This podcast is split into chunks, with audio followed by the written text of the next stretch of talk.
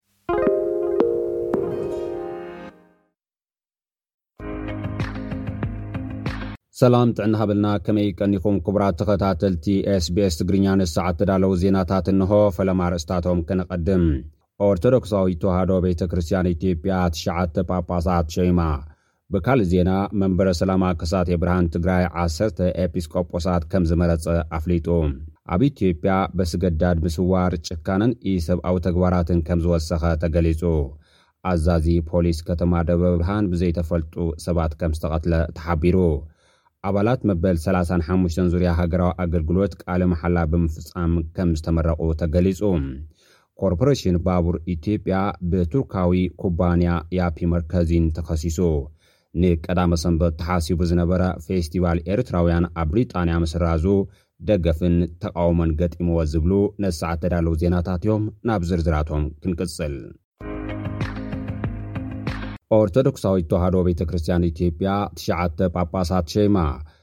ቅድሚ ሕጂ ብምሉእ ኣኸባ ቅዱስ ሲኖዶስ ትሽዓተ ሃገረ ስብከታት ክመርሑ ዝተመርጹ ኤጲስ ቆጶሳት ትማሊ ትሽዓተ ሓምለ ክልተ ሽሕን ዓሰርተ ሓሙሽተን ዓመተ ምህረት ኣብ ኣዲስ ኣበባ ኣብ መንበረ ፓትርያርክ ገዳም ቅድስት ማርያም ኣብ ዝተኻየደ ስነ ስርዓት ብወግዒ ተሸይሞም ኣለዉ።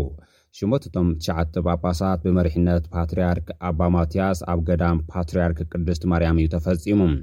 እቶም ትሽዓተ ጳጳሳት ንሃገረ ስብከት ጌዴዎ ኣማሮና ቦርጂ፣ ምዕራብ ሸዋ፣ ዳዎ ኮንታ፣ ምብራቕ ወለጋ፣ ድሬዳዋ፣ ቡኖ በደሌ፣ ሆሮ ጉድሩ፣ ምዕራብ ወለጋን ምብራቕ ሃረርጌን ክመርሑ እዮም ተሸይሞም። ኣብቲ ስነ ስርዓት ሹመት ፓትርያርክ ኣባ ማትያስን ሃይማኖታዊ ኣቦታትን ሰዓብቲ እቲ እምነትን ዝርከቦም ላዕለዎት ሓለፍቲ ቅዱስ ሲኖዶስ ተረኺቦም። ብካልእ ዜና መንበረ ሰላማ ከሳቴ ብርሃን ትግራይ ዓሰርተ ኤጲስ ቆጶሳት ከምዝመረፀ ኣፍሊጡ።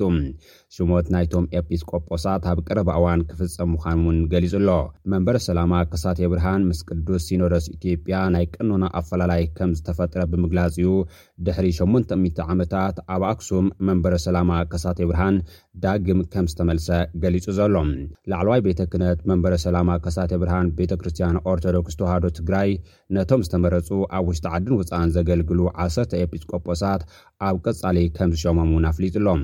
እቲ በዓለ ሲመት ነቲ ኣብ ኣክሱም ጽዮን ዝተኻየደ መረጻ ኤጲስቆጶሳት ስዒቡ ዝካየድ ምዃኑ እውን ሓቢሩ ኣሎ። ኣብቲ ኣብ መንበረ ጽዮን ማርያም ኣክሱም ዝተኻየደ ስነ ስርዓት መረጻ ኤጲስቆጶሳት ሸውዓተ ካብ ሃገራት ወጻኢ ዝርከቦም ዕስራን ሽዱሽተን ሕጹያት ተሳቲፎም እዮም። ብመሰረት ዝተኻየደ መረፃ ድማ መጋቤ ሐዲስ ቆሞስ ኣባ ዘስላሴ ማርቆስ፣ መልኣከ ገነት ቆሞስ ኣባ ኃይለሚካኤል ኣረጋይ፣ ሊቀ ኣእላፍ ቆሞስ ኣባ እስጢፋኖስ፣ ንቡረ እድ ቆሞስ ኣባ መሓሪ ሃብተን ቆሞስ ኣባ ኤልያስ ታደሰ ገብረኪዳንን ኣብ ትግራይ ከገልግሉ ዝተመረፁ ኤጲስቆጶሳት እዮም። ኣብቲ ንወፃኢ ሃገራት ዘገልግሉ ንምምራፅ ዝተሳለጠ ድምፂ ቆፀራ ድማ ቆሞስ ኣባ ሰረቀብርሃን ወልደሳሙኤል ዝርከቦም ሓሙሽተ ኤጲስቆጶሳት ዕላዊ ኰይኖም ኣለዉ።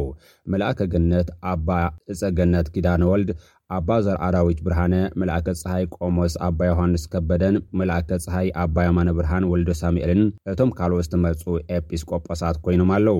ኣብ ቤተክርስትያን ደብረ ፅዮን ሜልበርን ዘገልግሉ ኣባ ሰረቀብርሃን ኣብዚ ሰሙን ናብ ትግራይ ዝገብርዎ ጉዕዞ ኣብ መገዲ ኣየር ኢትዮጵያ መዕርፎ ነፈርቲ ቦሌ ዝተኸልከሉ ኮይኖም እኹል መግብን መዕረፍን ኣብ ዘይብሉ ከባቢ ክንገላትዑ ቀንዮም ብኣስገዳድ ናብ ኣውስትራልያ ክምለሱ ከም ዝተገብረ ዝፍለጥ እዩ። ግዝያዊ መንግስቲ ትግራይ እቶም መራሒ ሃይማኖት ብግዴታ ክምለሱ ብምግባሩ ንመንግስቲ ኢትዮጵያ ብትሪ ተቓዊምዎ ኣሎ። ኣብ ኢትዮጵያ በስገዳድ ምስዋር፣ ጭካነን ኢሰብኣዊ ተግባራትን ከም ዝወሰኸ ተገሊፁ።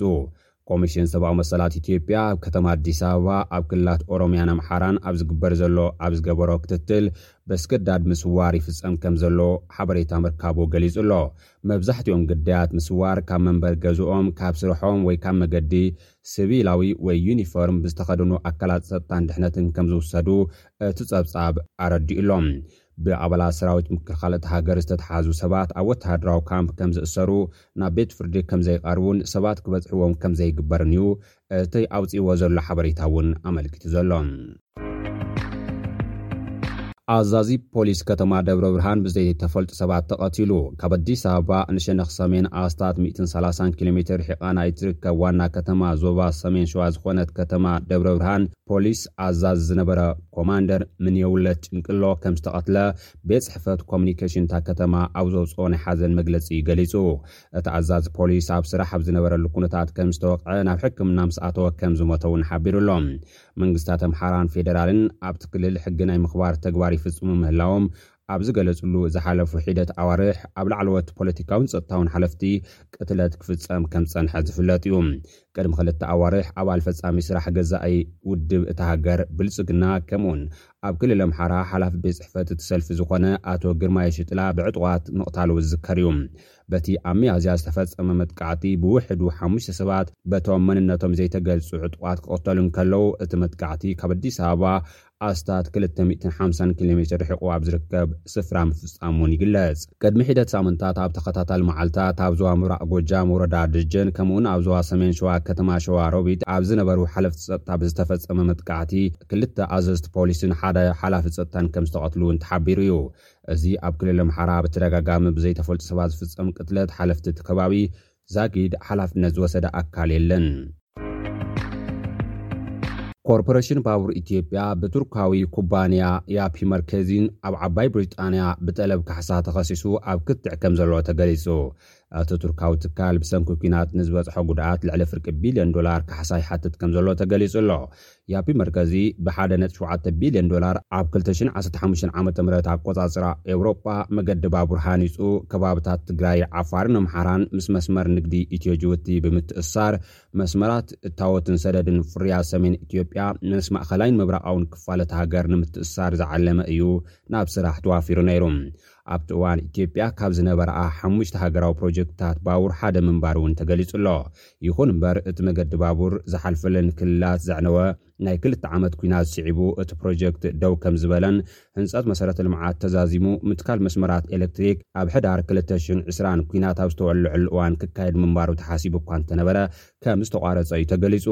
ያፒ መርገጺ ኣብ እዋን ኲናት ንብረቱ ከም ዝተዘምተን ከም ዝተበላሸወን ብምግላጽ ብሰንኪ ምድንጓይ ፕሮጀክት ንዝበጽሐ ዕንወት ወጻእታት ካሕሳ ከም ዝሓተተ እዩ ጋዜጣ ሪፖርተር ኣብ ዘርጎ ሓበሬታ ኣመልኪቱ ዘሎ። ኣባላት መበል ሰላሳን ሓሙሽተን ዙርያ ሃገራዊ ኣገልግሎት ቃለ መሓላ ብምፍጻም ተመሪቖም።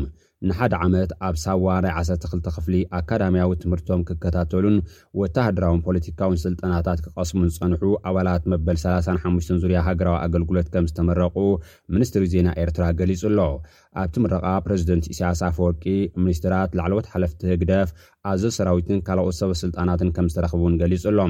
ካብ ጠቕላላ በዝሒ ሰልጠንቲ ኣርብዓን ትሽዓተን ነጥቢ ሸሞንተ ሚእታዊት ደቂ ኣንስትዮ ኮይነን፣ ኣጠቓልል ገምጋም ውጽኢት ሰልጠንቲ ኣብ ኩሉ ዝተኻየደሎም ወተሃደራዊ ታዕሊማት ሰብዓን ሓሙሽተ ነጥቢ ኣርባዕተ ሚእታዊት ከምዝኾነ እውን ተገሊጹ። ፕረዚደንት ኢሳያስ ኣፈወርቂ መመረቕታ መበል ሰላሳን ሓሙሽተን ዙርያ ሃገራዊ ኣገልግሎት ተጻብኦታትን መጥቃዕትታትን ኣምኪንና ኣብ ዝተረርናሉ ኣብ ውሽጢ ዝናወጽ ጎደዎን ብፍጥነት ቀይር ዓለምን ንዝበለፀ ልምዓትን መኸተን ኣብ እንምርሸሉ ዘለው እዋን ይካየድ ብምህላዉ ፍሉይ ቃና ኣለዎ ምባል እውን እቲ ሓበሬታ ኣመልኪቱ ኣሎ። ንቀዳመ ሰንበት ተሓሲቡ ዝነበረ ፌስቲቫል ኤርትራውያን ኣብ ብሪጣንያ ምስራዙ ደገፍን ተቓውሞን ገጢምዎ። ኤርትራውያን ተቓወምቲ ታሕጓሶም ክገልጹ እንከለዉ፣ ማሕበረ ኮም ኤርትራውያን ብወገኑ ሕጋዊ ስጉምቲ ከም ዝወስድ ገሊጹ ኣሎ። መርበብ ማሕበረ ኮማትን ውድባትን ኤርትራውያን ብሪጣንያውያን፣ ቤት ምኽሪ ሃውሮን ንፌስቲቫል ኤርትራውያን ኣብ ብሪጣንያ ክልተ ሽሕን ዕስራን ሰለስተን ምስራዙ ከም ዘጉሃዮ ገሊጹ ኣሎ።